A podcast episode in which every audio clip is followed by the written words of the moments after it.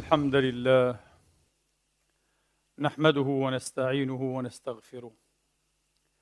ونعوذ بالله من شرور أنفسنا وسيئات أعمالنا. من يهده الله فلا مضل له. ومن يضلل فلا هادي له. وأشهد أن لا إله إلا الله وحده لا شريك له. ولا نظير له ولا مثال له. وأشهد أن سيدنا ونبينا وحبيبنا محمدا عبد الله ورسوله. وصفوته من خلقه وأمينه على وحيه ونجيبه من عباده. صلى الله تعالى عليه وعلى آله الطيبين الطاهرين. وأصحابه المباركين الميامين. وأتباعهم بإحسان إلى يوم الدين وسلم تسليما كثيرا. عباد الله أوصيكم ونفسي الخاطئة بتقوى الله العظيم ولزوم طاعته. كما أحذركم وأحذر نفسي من عصيانه سبحانه ومخالفة أمره. لقوله جل من قائل من عمل صالحا فلنفسه ومن أساء فعليها وما ربك بظلام للعبيد. ثم اما بعد ايها الاخوه المسلمون الاحباب ايتها الاخوات المسلمات الفاضلات.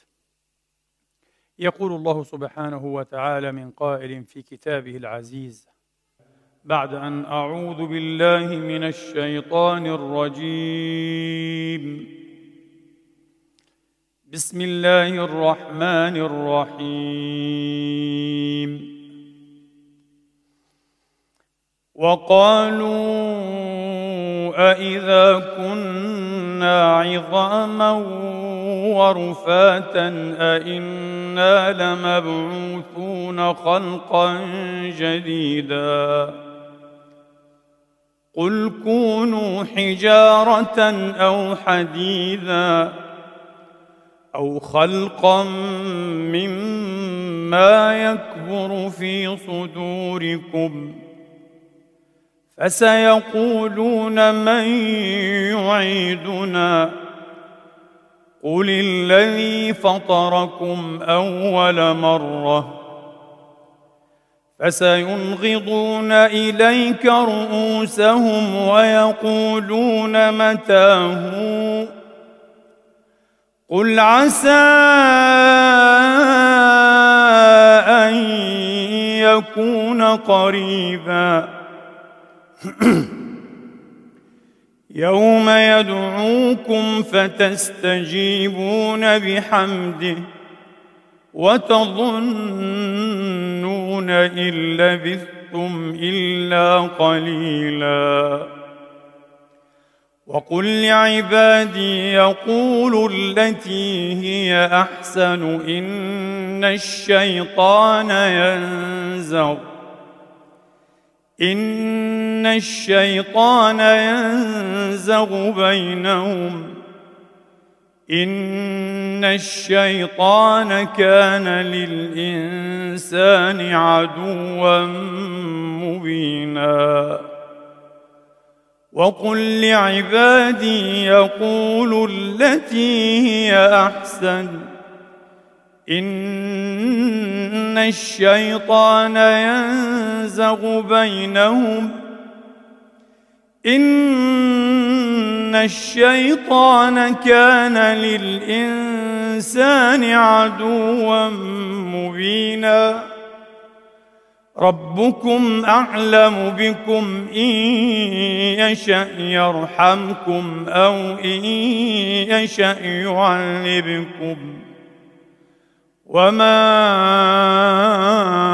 أرسلناك عليهم وكيلا وربك أعلم بمن في السماوات والأرض ولقد فضلنا بعض النبيين على بعض وآتينا داود زبورا قل ادعوا الذين زعمتم من دونه فلا يملكون كشف الضر فلا يملكون كشف الضر عنكم ولا تحويلا. أولئك الذين يدعون يبتغون إلى ربهم الوسيلة. يبتغون إلى ربهم الوسيلة أيهم أقرب ويرجون رحمته ويخافون عذابه. إن عذاب ربك كان محذورا. وإن من قرية إلا نحن مهلكوها إلا نحن مهلكوها قبل يوم القيامة قبل يوم القيامة أو معذبوها عذابا شديدا. كان ذلك في الكتاب مسطورا. صدق الله العظيم. وبلغ رسوله الكريم. ونحن على ذلك من الشاهدين. اللهم اجعلنا من شهداء الحق القائمين بالقسط. آمين. اللهم آمين. إخواني وأخواتي وقل لعبادي يقول التي هي أحسن. لماذا؟ علل فقال جل من قائل إن الشيطان أي لأن الشيطان إن الشيطان ينزغ بينهم. إذا علل تبارك وتعالى من معلل لأمره بقول الأحسن بقول التي هي أحسن بقوله لأن الشيطان ينزغ بينهم. والنزغ هو الطعن والضرب بسرعة. النزغ في الأصل هو الطعن والضرب بسرعة. ثم استعير لما يحصل به إفساد العامر خاصة في العلاقات بين البشر. كما قال الكريم ابن الكرماء يوسف عليه وعلى آبائه الصلوات والتسليمات من بعد أن نزغ الشيطان بيني وبين إخوتي. أفسد ما بيني وبين إخوتي. هذا هو النزغ.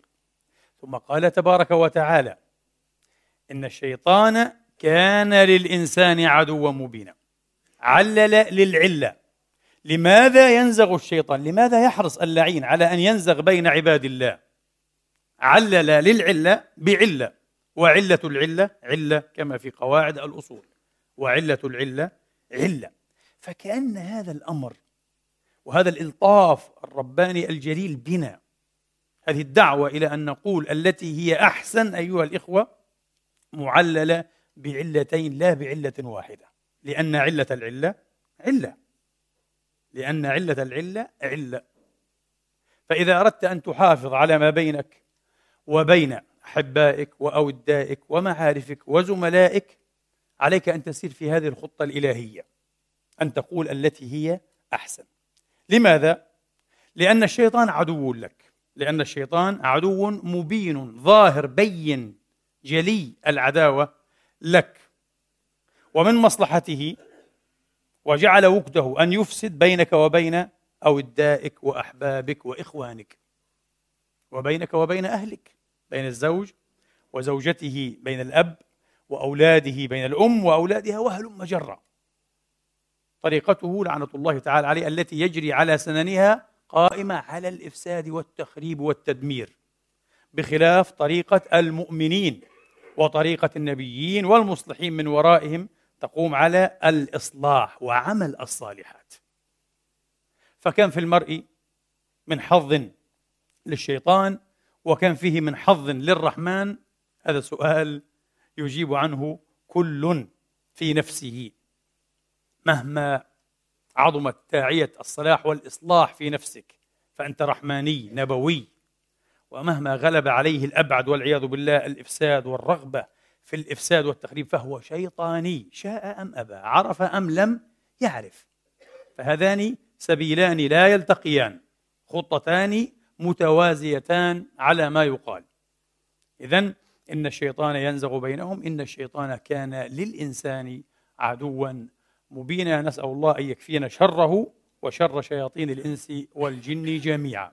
إخواني وأخواتي هذه الخطبة صلة للخطبة الماضية وعدتكم أن أواصل الحديث فيها عن التواصل التواصل الناجح الصالح العاطفي كما يسمى في علم النفس بين البشر بينك وبين الآخرين. والتواصل عموما بين الناس أيها الإخوة والأخوات في مجمله ليس بناجح وليس بجيد ومن هنا المشاكل من هنا المشاكل الكثيرة. حين ينعدم هذا التواصل العاطفي الجيد الناجح بين الأزواج يحدث الطلاق. أشرت في الخطبة السابقة إلى أن انعدام التواصل الناجح الفعال يقف في قائمة في رأس الأسباب أيها الإخوة وراء الطلاق. في رأسها عدم التواصل عدم التواصل. أحيانا يكون السبب الأوحد فيما عدا هذا السبب كل شيء على ما يرام. الزوج ليس فيه ما يعاب دينه خلقه جماله ربما إيه؟ حالته المادية. الزوجة طيبة وفية دينة جميلة صينة. وبينهما أولاد. طيب لماذا الطلاق؟ التواصل. مشكلة التواصل.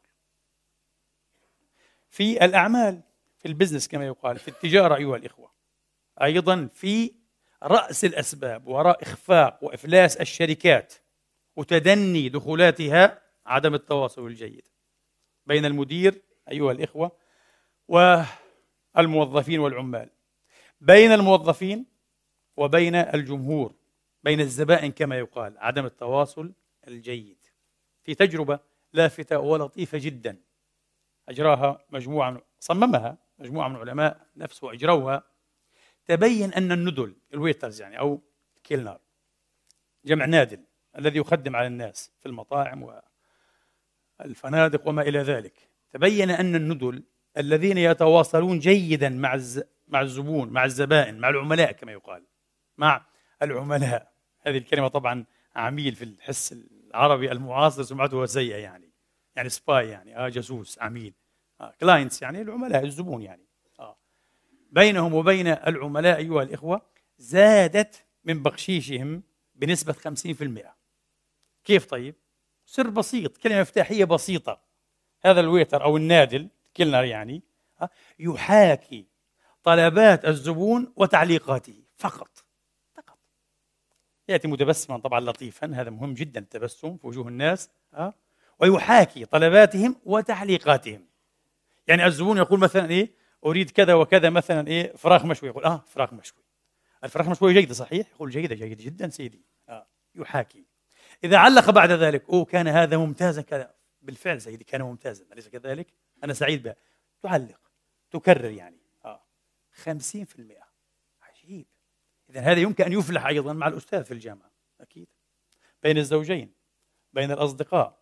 أحد علماء النفس أيها الإخوة. آه. في الحقيقة هو الشريك لاندرو نيوبيرغ في تأليف كتابه الذي ذكرته في الخطبة السابقة. هو شريكه. هذا الكتاب طبعا مشترك. آه.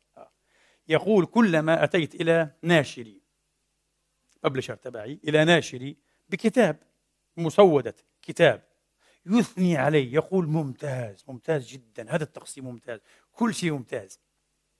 وأقترح لتحسينه كذا وكذا. قال دائما أنا ألقي إليه مقادتي. يا صحيح نفعل هذا. قال ثم خطر لي. قال فسألته مرة يا فلان هل تعني بجد ما تقول؟ قال لا أدري. لكن أسلوب ذكي من رجل مش عالم نفس لكن ينشر علماء النفس. الأفضل دائما أن تجامل الناس أن تلاطف الناس. أن تحاكي ثقتهم بأنفسهم أن تحاكي مزاجهم. يعني الذي ألف كتابا أكيد تقريبا وضع خاص الاجانب حقيقة في مصداقية. آه وخاصه مثل هؤلاء العلماء الكبار على مستوى العالم الآن. لا يضع كتابا هكذا لا يضع سمعته على المحك كما يقال مستحيل. آه. يفرغ تقريبا كل جهده في كتابه. آه. فاذا هو عنده تحيز يعرف بتحيز الإيجابية. positivity bias تحيز الإيجابية يعني أن ينظر المرء إلى نفسه نظرة إيجابية إنه أسلوبه جيد. تأليفي ممتاز. خطبتي جيدة. لدينا تقريبا كلنا هذا التحيز الإيجابي إلا طبعا مصابون بعقد النقص ومشاكل هذا شيء ثاني. بس عموما الإنسان لكي يتعايش مع نفسه ويعيش لابد أن يكون لديه ماذا؟ تحيز الإيجابية. انتبهوا هذا التحيز وإن كان فطريا فينا وللثقافة طبعا دور فيه كبير إلا أنه جيد وخطير أيضا. يعني مثلا بعد هذه الخطبة أن تخرج وتقول أنا لا أحتاج إلى أي موعظة من هذه الخطبة أنا متواصل جيد ستفشل. لا لا عليك أن تكون دقيقا ومستبصرا وتقول آه هذا لم أكن أعرفه هذا لا أطبقه وأنا أطبق العكس تماما. سأستفيد هكذا تتقدم وتزدهر. لكن إذا يغلب عليك تحيز الإيجابية وتطلع أستاذ في كل شيء لن تتعلم أي شيء. من لم يرى من نفسه النقصان فكل أوقاته نقصان. انتبهوا. لذلك يقول إمامنا الشافعي رضوان الله عليه ما جادلت أحدا فقبل الحق مني إلا اعتقدت مهابته. هذا رجل يهاب. لأن هذا الرجل يزدهر باستمرار ويتقدم. لن تجده بعد عام كما هو الآن. هتلاقيه أكبر بكثير لأنه متواضع الحقائق ويتعلم ويعرف قدر نفسه ورحم الله امرأ عرف قدر نفسه. جميل جدا أن ندرك أيضا النقص فينا ونعترف بهذا ونستبصر به بشكل واضح من غير تردد من غير جمجمة حتى نتقدم إن شاء الله تعالى. ولن نصل إلى الكمال. الكمال لصاحب الكمال على كل حال وإن كان كمل من الرجال كثير. اللهم كملنا بما تحسن به إلينا في الدنيا وفي العقبة اللهم آمين. إذا أيها الإخوة على مستوى العائلي على مستوى التجارة على مستوى العلاقات دائما التواصل السيء سبب الإخفاق. سبب النكبات سبب الخيبات سبب الخيبات. وله أسباب كثيرة وله أسباب كثيرة. ربما ذكرت في الخطبة أو ألمعت بإشارة سريعة في الخطبة السابقة إلى عدد منها. الإنهاك الإجهاد التعب كما قلت. المرض أيها الإخوة. النشوء أو النشأة في عائلة. مهارات التواصل فيها رديئة ضعيفة. آه، يسبب أيضا التقدم في السن. أحيانا يعني يلحظ المرء أن كبيرا في عائلته ربما يكون أباه أو عمه أو جده كان قبل عشر عشرين سنة أكثر لطفا وأحسن تواصلا وأكثر مجاملة. الآن ينفعل على أشياء بسيطة وينفجر أحيانا ويصرخ وكما نقول بالعامية يعني يحدث لنا الكسوف يكسفنا يكسر بخاطرنا. طبيعي هذه من نتائج التقدم في السن من نتائج التقدم في السن. التقدم في السن طبعا له أضرار إتلافية إعطابية حتى على مستوى ماذا؟ الشبكات العصبية في الدماغ. الشبكات العصبية إيه؟ على الدماغ يعني. أضرار إتلافية. فتضرب هذه الشبكات شيئا فشيئا. فتصبح مقدرة الشيخ الكبير على التواصل ضعيفة. تتراجع للأسف الشديد. لذا لذلك يصبح نزقا. آه، ويندفع أحيانا آه، ويطيش. يثور ثورات انفعالية غير مبررة. المسألة هنا دماغية عصبية. أيضا إخواني وأخواتي من الأسباب المهمة غير التقدم في السن والمرض والإنهاك والنشوء في العائلة بمهارات تواصل ضعيفة أو رديئة أن كل منا متفرد يونيك. كل منا نسخة ليس لها ضريع من كل الوجوه.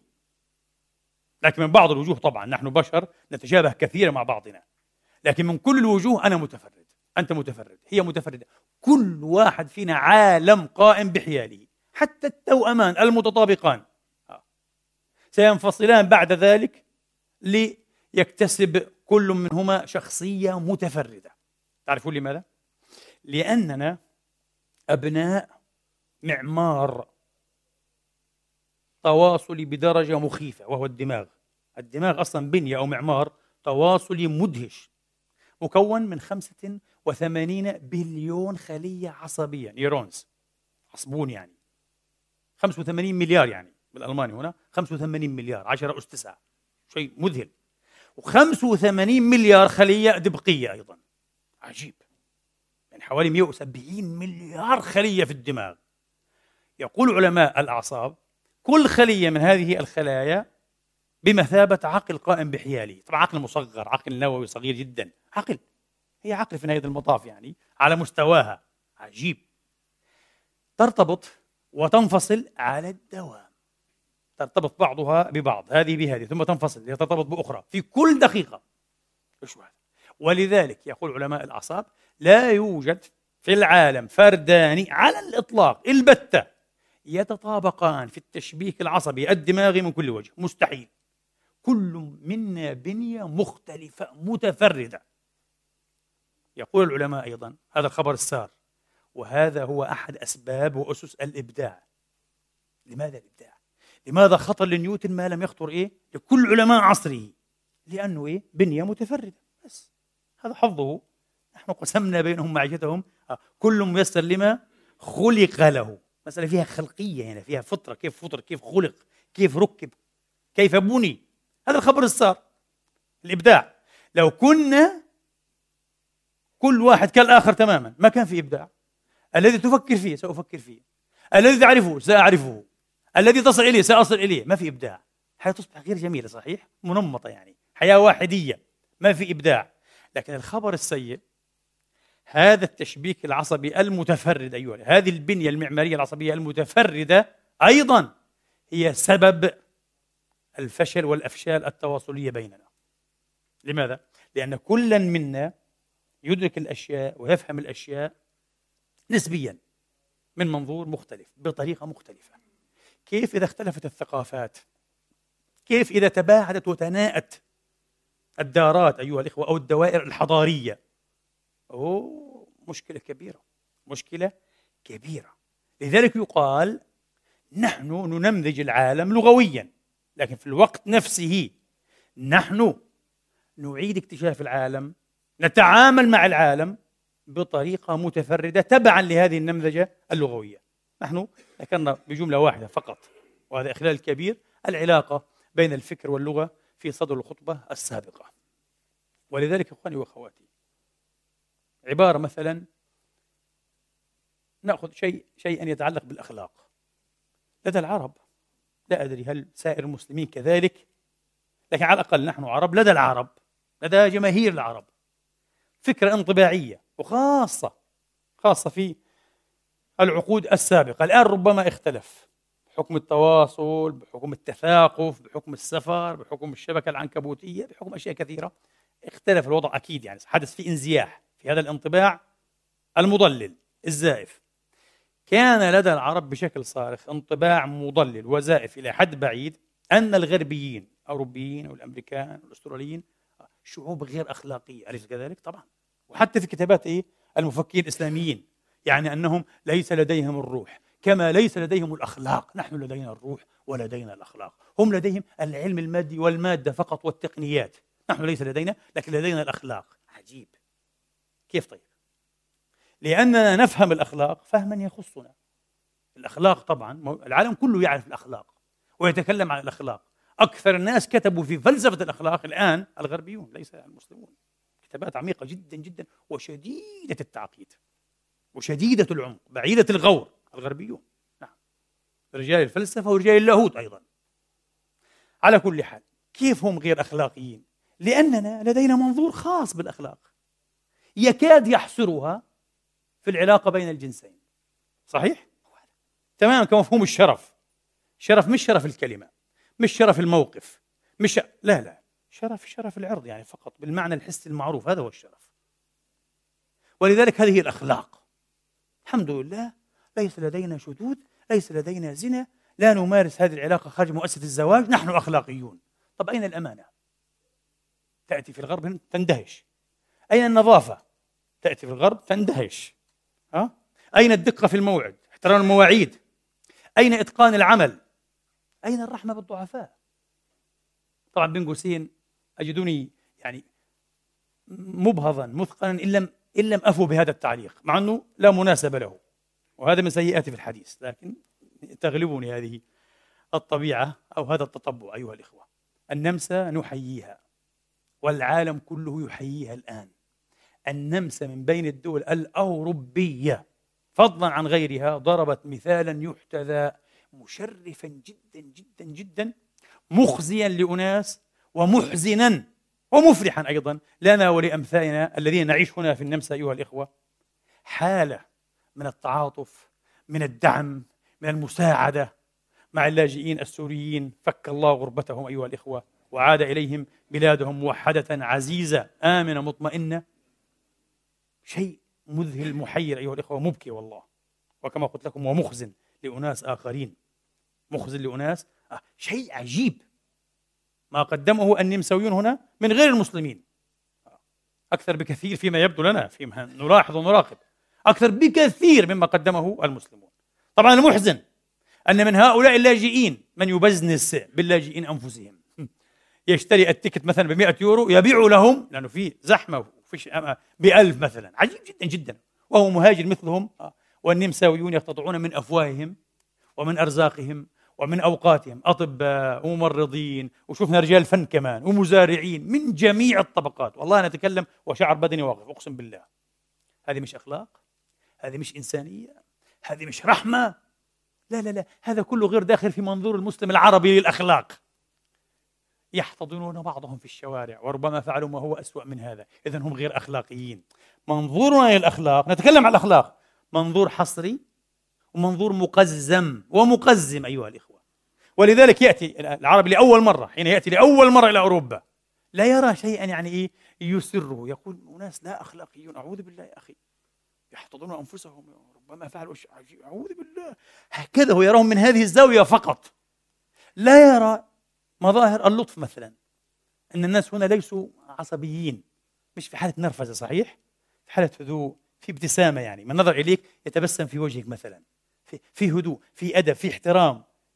كيف بيرتادوا كيف بيختلفوا إلى أماكن مختلفة كيف يستقلون مثلا وسائل المواصلات آه. بنظام بهدوء بترتيب آه. يقدمون الضعفاء الحامل الشيخ الكبير يساعدون.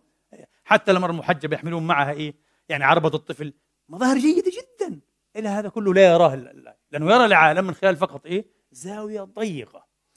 حين تقول مثلا لفتاة أنت جميلة في الغرب الأوروبي هنا هذه تعتبر جملة من جمل المجاملة.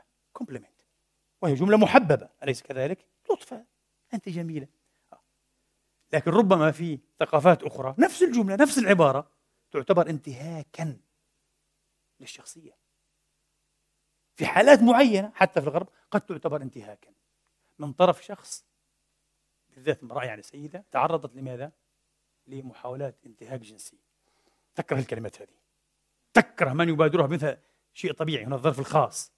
في الثقافة الكونفوشيوسية الصينية الآن في الصين. لا انتبهوا. حاذروا. نقول للرجال ممنوع أن تقول لأي امرأة أنت جميلة أنت حسنة. ممنوع. تعتبر هذه عبارة غير بالغة التهذيب. عبارة وقحة ثقافة مختلفة. شفتوا؟ إذا المسألة مش الكلمات فقط. الكلمات ماذا؟ والثقافة. الكلمات والدلالات العميقة والدلالات مش معجمية عاد. هاي المشكلة. ما فيش الآن طبعا واضح. ليس لدينا معجمات ديكشنريز يعني أه؟ ليس لدينا معجمات ثقافية. يأتي بالعبارات ثم بدلالاتها الثقافية. ستكون طبعا معجمات ضخمة جدا جدا. لكن الدراسات الأنثروبولوجية تقوم إيه؟ بهذا الدور. فعلينا أن نلجأ إليها وأن نستنجد بها. لكن المعجمات غير موجودة. طالما أنت فقط اعتمدت على المعجم على خلفية ثقافتك لك خلفية ثقافية ولا بد ستفشل إذا مع الآخرين مرة ومرة حين تتواصل معهم. لذلك التواصل مسألة مش فقط إيه؟ كلامية. العجيب أيها الإخوة أن العلماء المتخصصين في هذا الحقل ينبهون على أن دور الكلمات محدود في التواصل. بغض النظر. مهما كانت جميلة ولطيفة محدود. ما هو أثقل وأرجح في الميزان من الكلمات؟ الكيفية التي تقال بها الكلمات. والسياق والتلميحات غير اللفظية. Non verbal cues. Cues تلميحات يعني ها التلميحات غير اللفظية. من هنا مثلا من هنا مثلا قد تقال عبارة لطيفة لكن ضمن تلميحات عنيفة يحدث ارتباك لدى المستمع.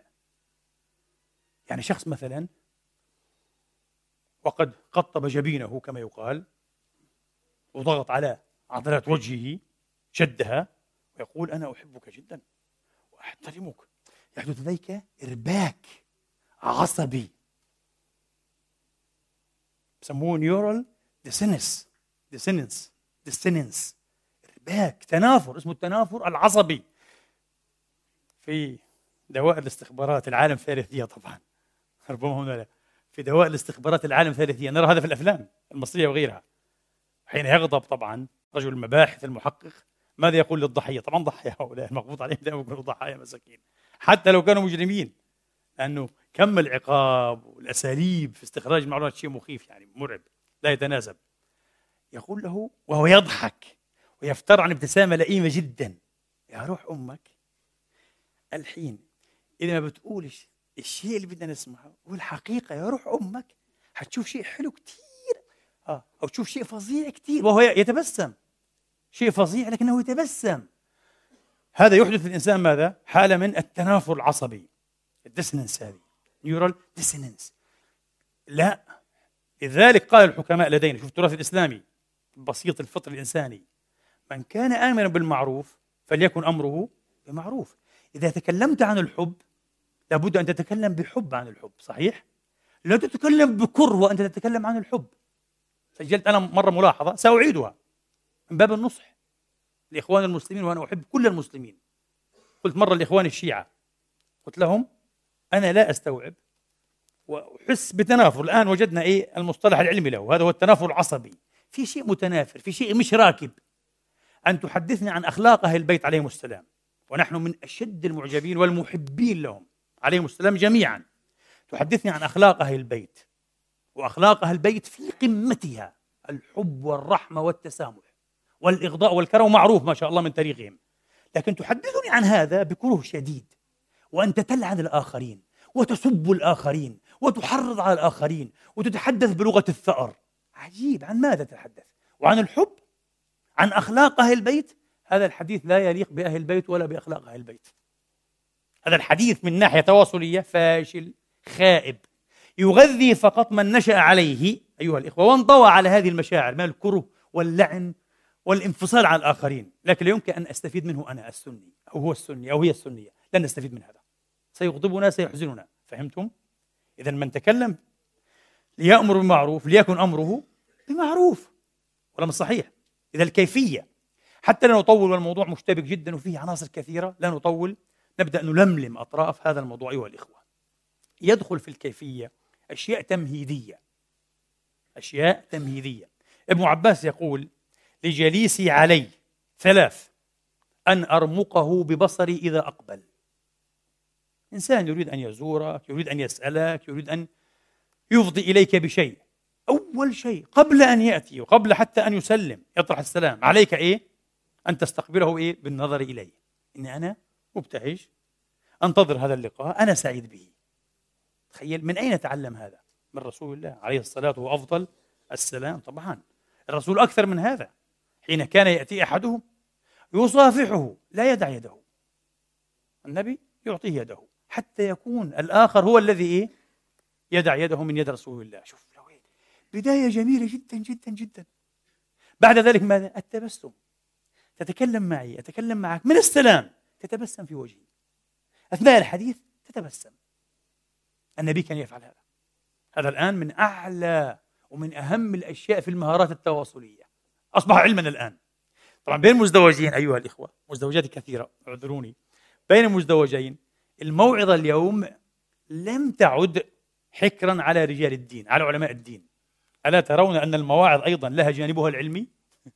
جانب علمي تجريبي وهذا يعطيها مصداقية أكثر. إن صح أن تسمى طبعا إيه مواعظ. وبالمناسبة حتى كيوس أيضا تلميحات معناها موعظة. لكن هكذا هي كلمة واحدة. cue تلميحة. cues تلميحات. cues وحدها هكذا موعظة. في مواعظ علمية يعني. مواعظ تستند إيه؟ إلى أبحاث وتجارب علمية أيها الإخوة. يعطيها مصداقية. هذا الآن سيعطي هذه الآداب النبوية مصداقية أعلى عند من؟ عند من يؤمن كثيرا بالعلم. يثق كثيرا بالعلم. وحق له. العلم مصدر موثوق عموما يعني. مصدر موثوق بلا شك وغير متحيز وغير أهوائي. علم. فالنبي عليه الصلاة والسلام كان إيه؟ كثير التبسم. يستقبل الناس بالابتسامة الحانية اللطيفة الودودة. سوف نرى هذه الابتسامة. تسمى ابتسامة المليون دولار. النبي كان ماهرا جدا فيها. فطرة عن صدق. بحرارة يفعل هذا لأنه صادق في حبه الناس عليه الصلاة وأفضل السلام. في مسند الإمام أحمد تقول أم الدرداء رضي الله تعالى عنها وعن زوجها الصحابي الجليل تقول كان أبو الدرداء إذا حدث أحدا بحديث لا يزال يتبسم. طول الحديث يتبسم يتبسم. قال فقلت له لا يقول الناس عنك إنك أحمق. قلت هذا حالة أمك دائما تتبسم. فكروك أهبل الناس. ليش هيك؟ مش دائما مرة ومرة. هي هيك عربية. العادات العربية العرب عندهم توقر ورزانة وعنده أشياء معينة. النبي قطع مع أشياء كثيرة. لا النبي عنده شخصية ربانية. الله صاغه صياغة غير طبيعية هيك. الله صانعه. الله أدبه. أدبني ربي في أحسن تأديب. من وين هذا الأشياء؟ من علمه هذا؟ في هذا المجتمع الصحراوي الجلف الغليظ الجافي المخيف. مجتمع أبي لهب وأبي جهل. بس برضه مجتمع برضه أبو بكر وعلي وعثمان وعمر. فقال كلا. لا تقولي هذا. ما رأيت؟ يقول الراوي أو قال ما سمعت؟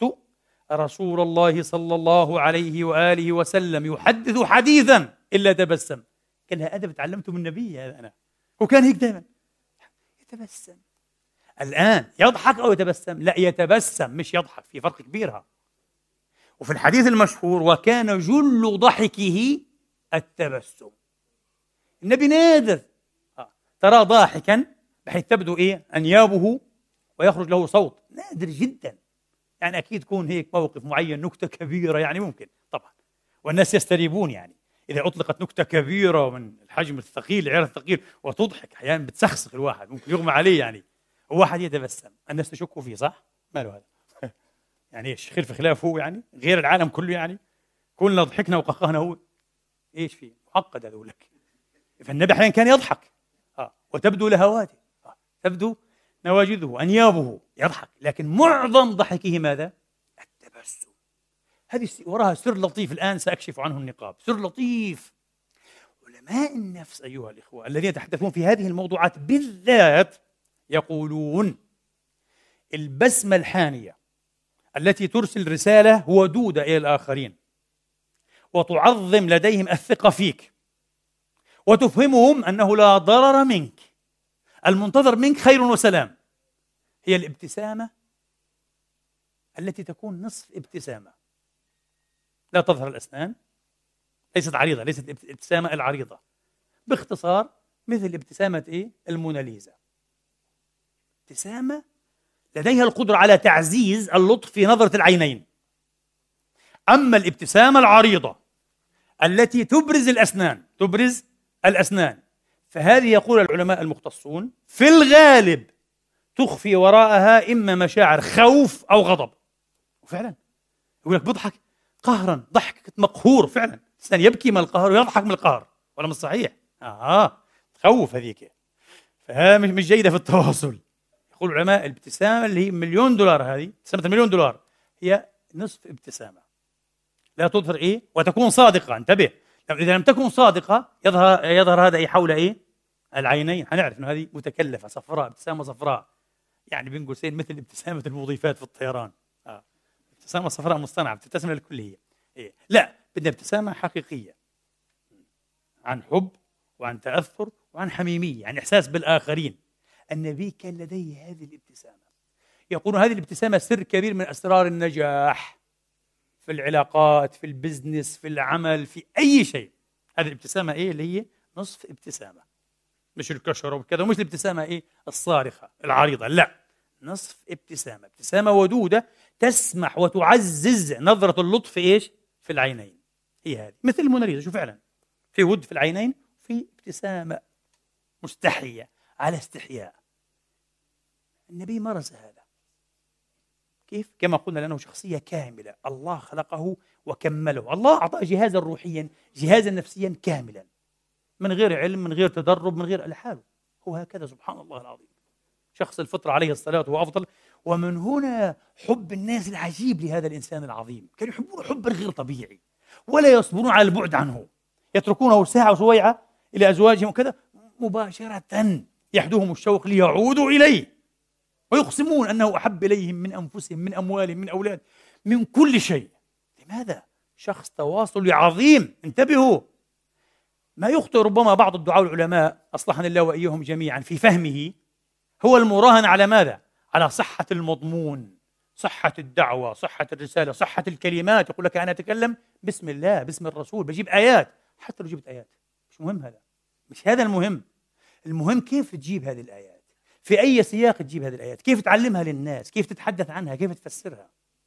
إذا جبت هذه الآيات في سياق معين تنتهك فيه حرمات الناس خطبة شرعنة الفحش تفحش فيه على الناس تسميهم بالأسماء تتحدث في أعراضهم وتقول الله قال هيك.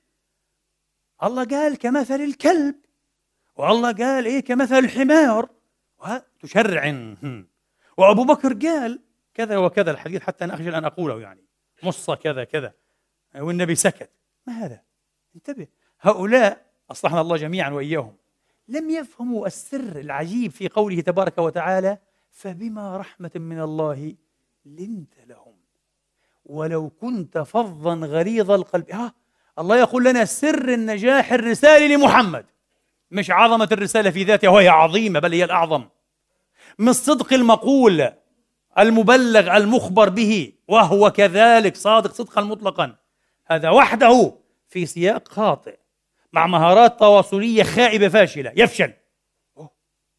هذه مسألة كبيرة الآن في فشل الدعوة صح؟ في فشل الإسلام المعاصر هذا اللي بنشوفه قاعدين. في ردة كثير من الناس عنه.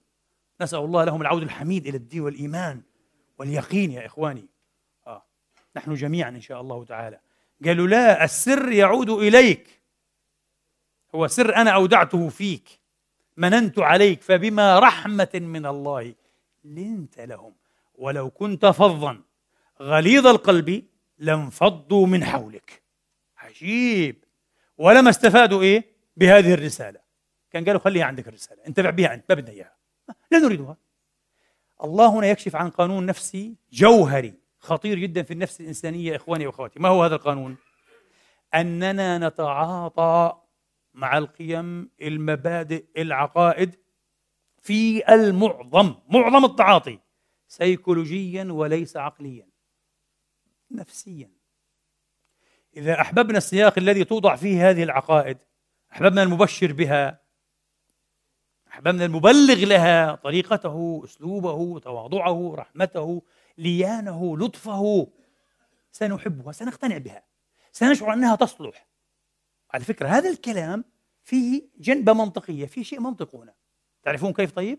الشيء المنطقي إنه بما إنه هذا الكلام خير وصدق وحق والله واضح يا أخي.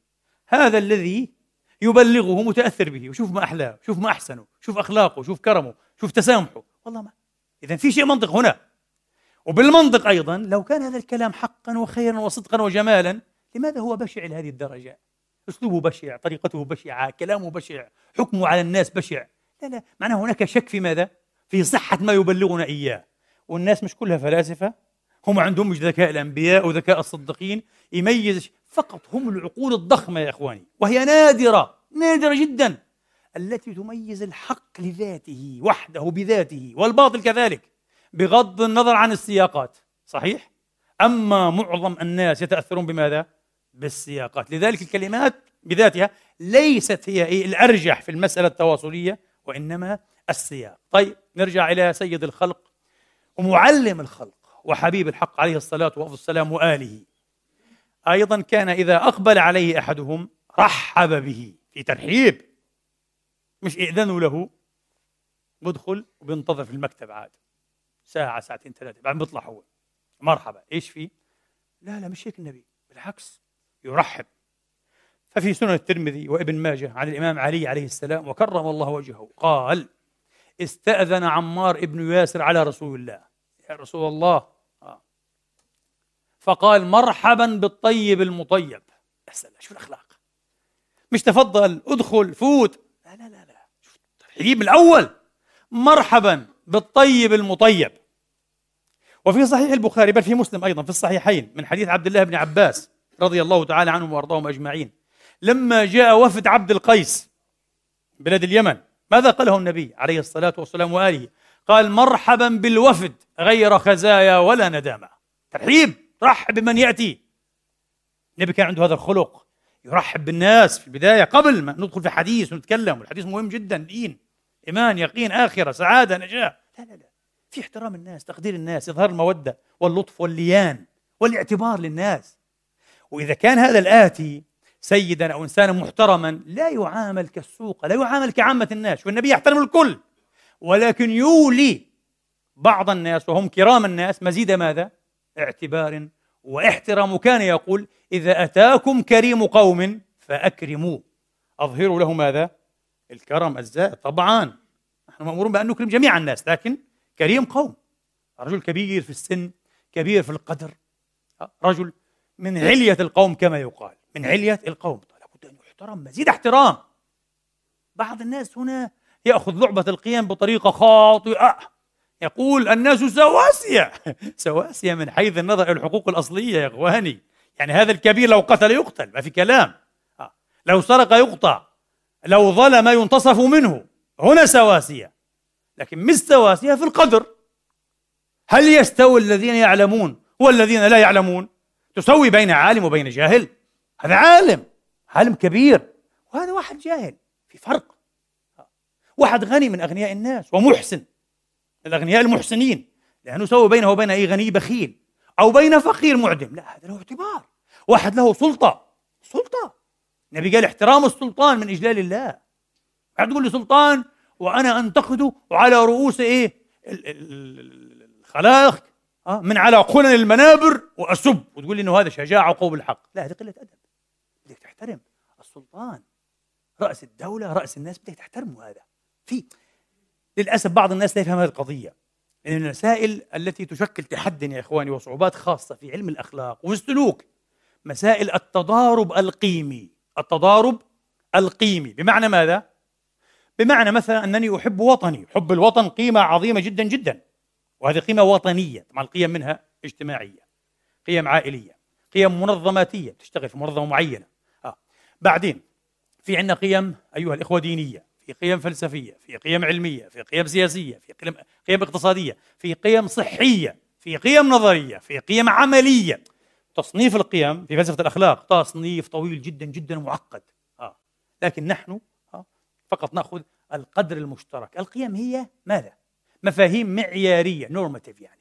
هي مفاهيم معيارية لها علاقة بالعمل لها علاقة بالواقع. إذا هي ماذا؟ ضوابط تعليمات مبادئ.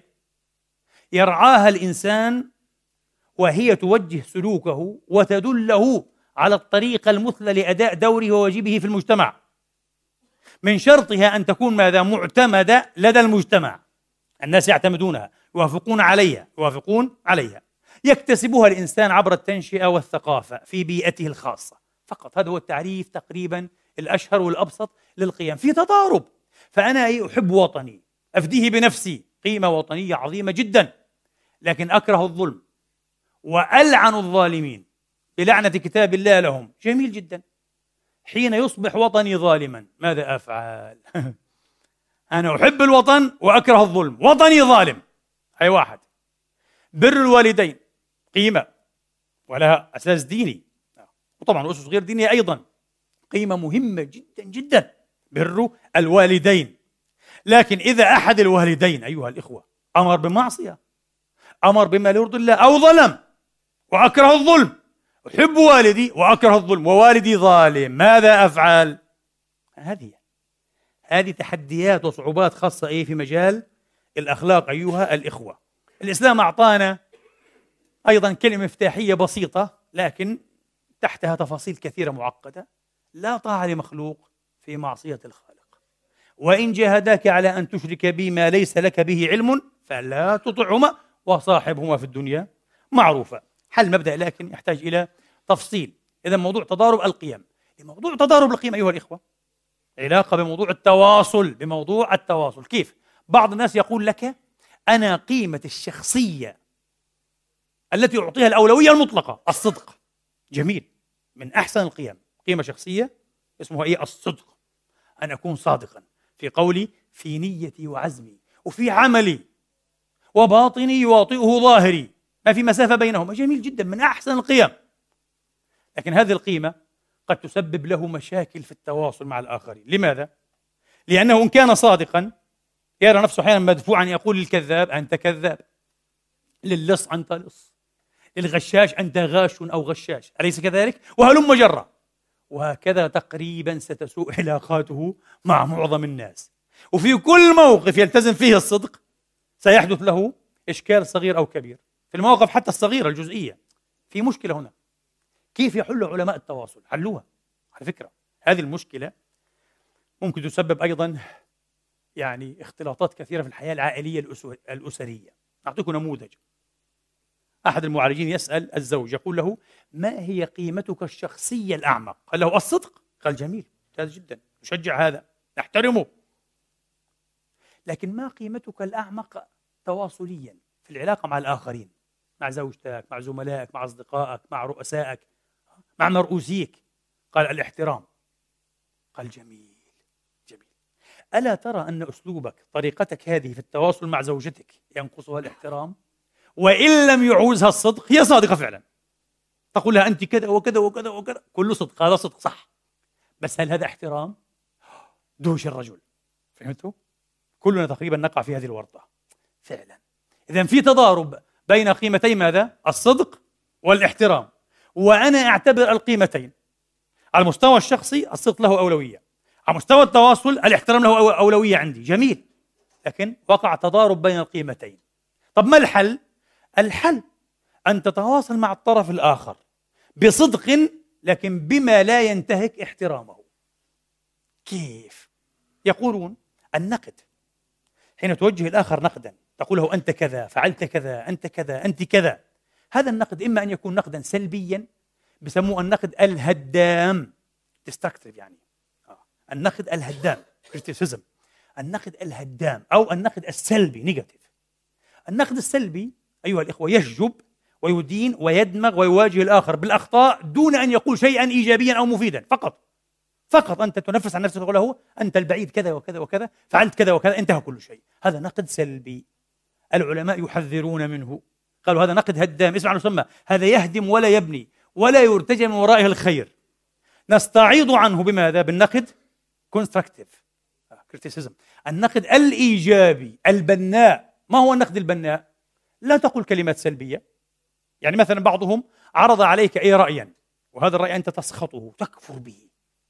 تقول له أحترم وجهة نظرك. أحترمها جدا. طبعا تحترم إيه؟ الآخر وتحترم ما يقوله. آه. ويمكن يمكن أن أتشارك معك في تطوير هذا الشيء. سيقول لك في الأغلب العام نعم يا حي هلا هلم. وأنت ستأتي بشيء سينقض إيه في النهاية ماذا؟ رأيه. هذا اسمه نقد أيضا. لكن نقد إيجابي ذكي. شفت؟ دون أن تقول له رأيك خطأ رأيك كذا. ابدا. أحترم وجهة نظرك. أحترم موقفك. واسمح لي. شوف أنا حتى هنا توقفت قليلا. لماذا؟ أحببت أن أصوغ العبارة دون أن آتي بكلمة لكن. عشان حذرت قبل هيك من ابنائي لكن. قبل لكن. هذول بخوف هذول ها لماذا؟ يقول الناس الظرفاء؟ كل ما قبل لكن ليس له قيمة. مش ما بعدها ما قبل. أكثر ما نكره كلمة لكن. يعني أقل شوي من كلمة لا لكن مباشرة بعد لا لكن. يا أخي والله أنا أقول لك الصدق أنت كذا وكذا وكذا وما شاء الله عليك لكن ترتعد أنت لكن. إذا كل ما قبل لكن قال لك ليس له قيمة. هدمته أنت كله. هدمته بكلمة لكن. حتى في النقد الإيجابي حاول ما تجيبش كلمة إيه؟ لكن. أحترم وجهة نظرك لكن. بلاش لكن هذه. اسمح لي. أستميحك عذرا أن. هذا يساوي كلمة ماذا؟ لكن. فهمتوا علي كيف؟ مهم جدا. هذا في النقد الإيجابي في النقد الإيجابي. على ذكر كلمة لكن كلمة لا في تجربة مثيرة مثيرة جدا أيها الإخوة.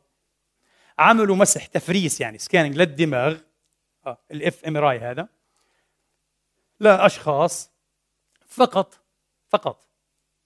عرضت عليهم لوحة ورق مقوى هكذا. مكتوب عليها حرف لا. أو كلمة لا no no.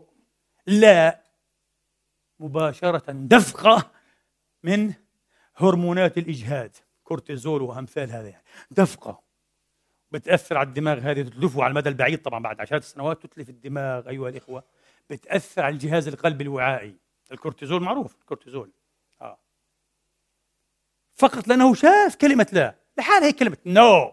مش حلوة هذه الكلمة شفت كيف حين تقال لك وأنت تترقب شيئا أو تأمل في شيء أو تريد مباحثة شيء. لا!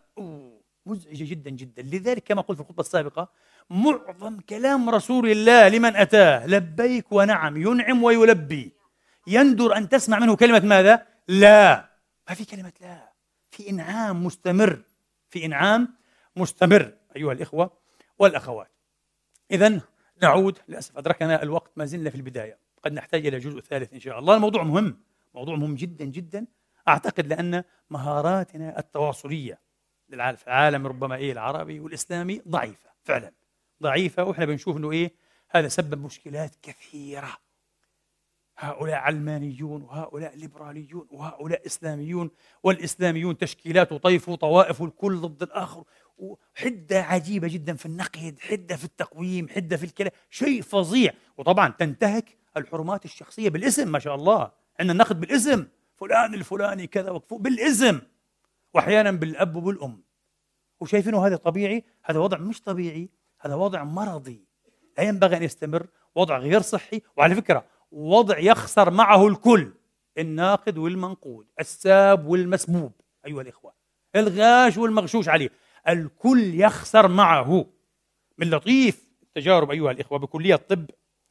إيه، جامعة أوهايو. وبالمناسبة في الأسبوع الماضي كان لدينا هنا أخ مسلم كان متفاعل مع الخطبة ويفتح المصحف. وبعد الخطبة إذا به مسلم أمريكي من أوهايو. كان لدينا هنا في البداية. في كلية طب جامعة أوهايو أيها الإخوة أتوا ب 22 زوجا من الأزواج يعني. 42 كابلز يعني. يعني إيش نقول يعني؟ صعب. إلا تقول هيك ب 42 زوجا من الأزواج. لو قلت ب 42 زوجا لكن 42 بصير كلهم قديش؟ 84 نصهم رجال نصهم إيش؟ إناث. أتوا ب 42 زوجا من الأزواج وأحدثوا في أيديهم جروح تقرحية. بسيطة. ثم بعد ذلك أيها الإخوة بعد أسابيع اختبروا مسار هذا التقرح أو هذا الجرح التقرحي ليجدوا أن الأزواج الذين يتواصلون بشكل حميم وجيد محكوم بالعقل بالمنطق مش بالانفعالات وبالغضب ومحكوم أيضا إخواني وأخواتي بالحب والحميمية والتحسس للآخر والإمباثي استغرقهم الأمر نصف المدة التي استغرقت الأزواج المنغصين لكي يشفوا من هذه الجراح. ضعف علاجيا على مستوى العلاج الهيلينج في فرق كبير. الضعف يا إخواني. اذا فعلا حين تكون إيه؟ هادئا محبا ودودا متسامحا تكون أقرب إلى ماذا؟ إلى الصحة على جميع النواحي النفسية والعقلية العصبية. يبقى سؤال نطرحه ونجيب عنه بعد إن شاء الله الجلسة وهو بعض الناس يقترح بالعكس انه من الأفضل لصحتي ولأعصابي والاستقرار النفسي حاله الاستقرار النفسية حين أغضب أن أنفس عن غضبي. وطبعا لن يعوز هذا المعترض أو المتسائل مجموعة من الأدبيات لعلماء النفس وفي رسم طبعا إيه؟ سيغموند فرويد. وفلاسفه في أولهم ارسطو طاليس في كتاب الشعر تؤكد هذا المنحى إنه التنفيس عن الغضب وسيحتج علينا بمدارس علاجية في أمريكا وكندا استراليا وفي إسبانيا. العلاج بالتدمير العلاج الأولي علاج الصياح الاولي كلها لها علاقة. أي بالتنفيس. أين هذا؟ مما تقول وأين هذا؟ مما يقول علماء. التواصل علماء. بسموه إيه؟ علماء الأعصاب الاجتماعي. علم الأعصاب الاجتماعي. social neuroscience هذا علم كامل. اسمه هيك اسمه علم الأعصاب الاجتماعي. social neuroscience وبين ما أتى به القرآن وما أتت به السنة أيضا من وجوب كظم الغيظ وكظم الغضب وبتتوضأ وبتقعد وبتصلي. وين؟ لا نفس. التنفيس جيد. بعد التنفيس سنشعر بأننا تحسنا. ما الحكاية؟ إن شاء الله في الخطبة الثانية أقول قولي هذا وأستغفر الله لي ولكم فاستغفروه.